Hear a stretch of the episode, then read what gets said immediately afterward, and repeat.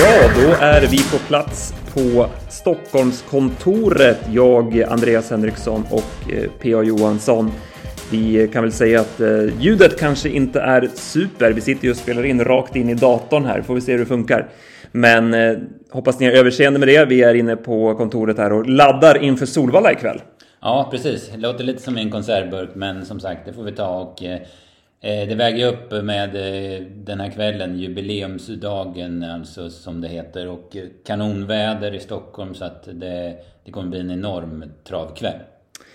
Du och jag har ju jobbat med omgången. Ja, det lite, ett par lopp är lite mer skiktade kanske, men det finns ju även ett par lopp där det skulle kunna hända någonting. Mm, ja, precis. Och, eh, vi har valt att snacka lite extra om eh, Sto-EM eh, V75 3 som är ett eh, ruskigt bra lopp. Väldigt hög klass och eh, jag tycker att det ser spelvänligt ut också.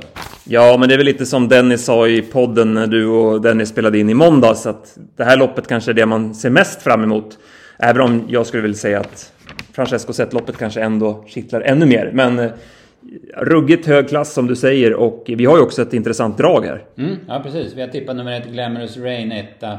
Hon har byggts under året, eh, började väldigt bra på Färjestad, borde kanske ha vunnit på Örebro men det var det Iceland Falls eh, som spurtade förbi.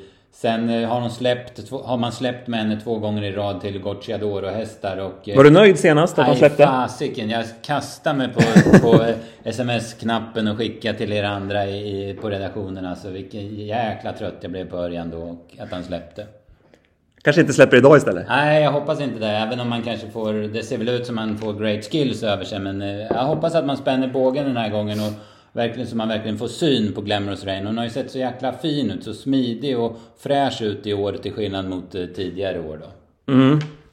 Och du pratade med Redén i måndags och eh, ja, han lät ju också väldigt nöjd med hästen, eller hur? Ja, han låter påställd och tror att hon kommer göra det bästa loppet hittills i år den här gången och han var väldigt nöjd med läget och att de har, har visat sig startsnabb och, och så vidare. Men om vi tänker att uh, Glamorous Rain körs i ledningen, hur blir det kört då?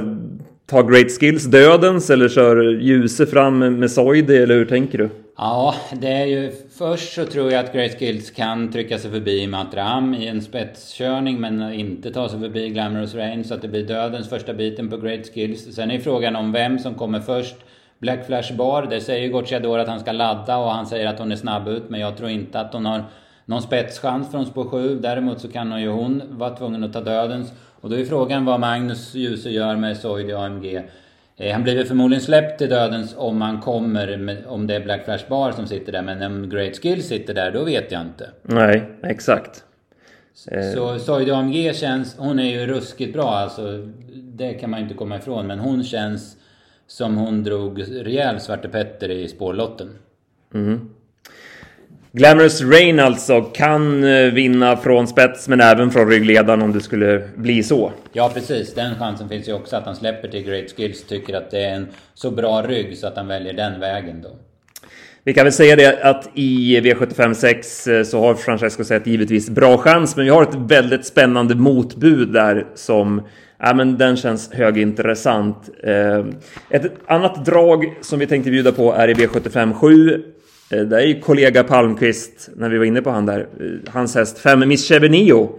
Ni pratade lite grann om den hästen i, i podden i måndags och jag har läst på det här loppet och äh, men jag tycker att hon känns väldigt intressant här. Mm, ja, det har ju varit häftig nivåhöjning på henne. Hon var ju rejäl i Kalmar och sen så har det ju inte stämt riktigt för henne i loppen. Vilken bra upphämtning senast så att där verkar ju formen verkligen vara på topp. Mm, exakt. Jag hade 12-8 i 1900 meter och då gick det väl underkant 12 ett varv när han körde ikapp hästarna där. Så äh, men hon gick väldigt bra och det låter fortsatt bra från Dennis här i veckan.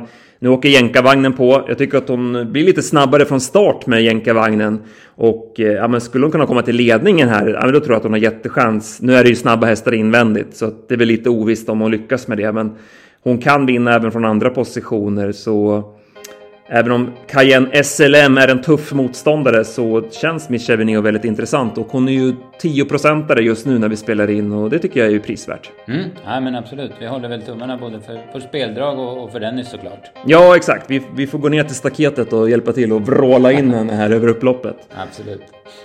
Ja men toppen! V75-tipsen finns att köpa på travtjänsten.se och sen är ju som sagt du och jag på plats och kollar värmningar och det sista på stallbacken till slutspelet ikväll. Så det är läge att hänga på inne på travtjänsten.se.